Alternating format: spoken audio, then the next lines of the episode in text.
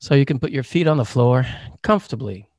And AK, we do not allow heart surgery, serving hot coffee, walking around, or driving a car. But you seem happy. Hmm. And as you get comfortable, you may want to realize and you may want to notice. But you may notice. And you may notice January, February, March, April, May. Now. Now. Because when you start to relax even deeper, hmm. you can relax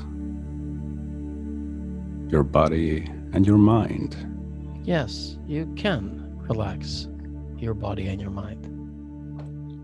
And as you notice the relaxation, hmm. it will spread in that way that you are becoming more aware as you let yourself be unaware. And that's exactly where you want to be when you want to surprise yourself. Hmm. Because you are born into an amazing machine with incredible abilities and no manual. Do you have any idea of what you are capable of? Don't TB2. The part of you listening to this is a self regenerating, self programming, multidimensional supercomputer and survival system.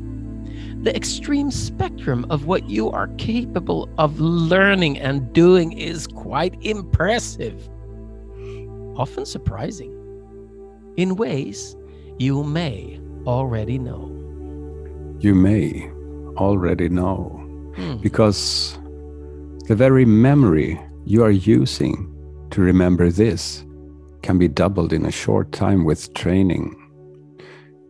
You have yet to explore the actual boundaries of what you are capable of remembering for sure.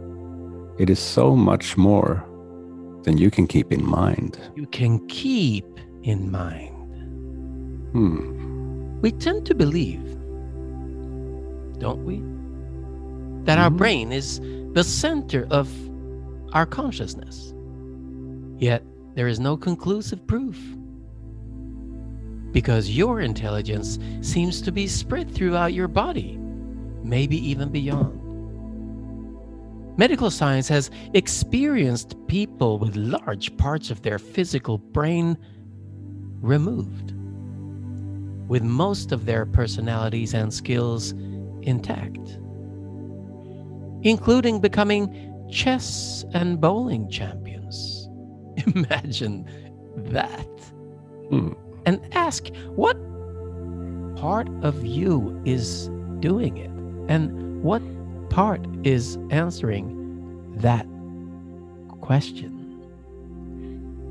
Because that question is a question, and every action we do uses energy in some form, requires hormones, amino acids, minerals, oxygen, and regenerates you into a new you You. on cell levels. And even in your brain, this neurogenesis is also fueled throughout life by interaction with other humans. It even seems that an act of lovemaking can help your brain grow new cells. So make love, not war. Make love, not war, not war, not war. And while you may have been told, you may have been told that you have limits as to what you can do at the same time. At the same time, you can, once you have trained yourself to do so. you have many ways of thinking, different senses thinking in sounds and words and images and body sensations. You can walk and talk and think as long as you separate the processes. Two dialogues at the same time seem to be more of a challenge. Hmm. Imagine a creativity cap, a device that will free you, if only momentarily, from your mindsets, Hmm. from your preju- prejudices, from the mental blocks to creativity. Allan Snyder. Snyder. The surprising abilities that a human brain is capable of include extreme memory, extraordinary music talent, mechanical or spatial skills, amazing calendar calculations, instant math calculations, and other incredible computing skills. Most people can spot a repeated image of thousands after seeing them in a few minutes. You can also love and feel awe at a poem or the sight of a sun setting. Hmm. So, in essence, nobody knows what you're capable of. Be the first to find out. And you are a function of what the whole universe is doing, in the same way that a wave is a function of what the whole ocean is doing.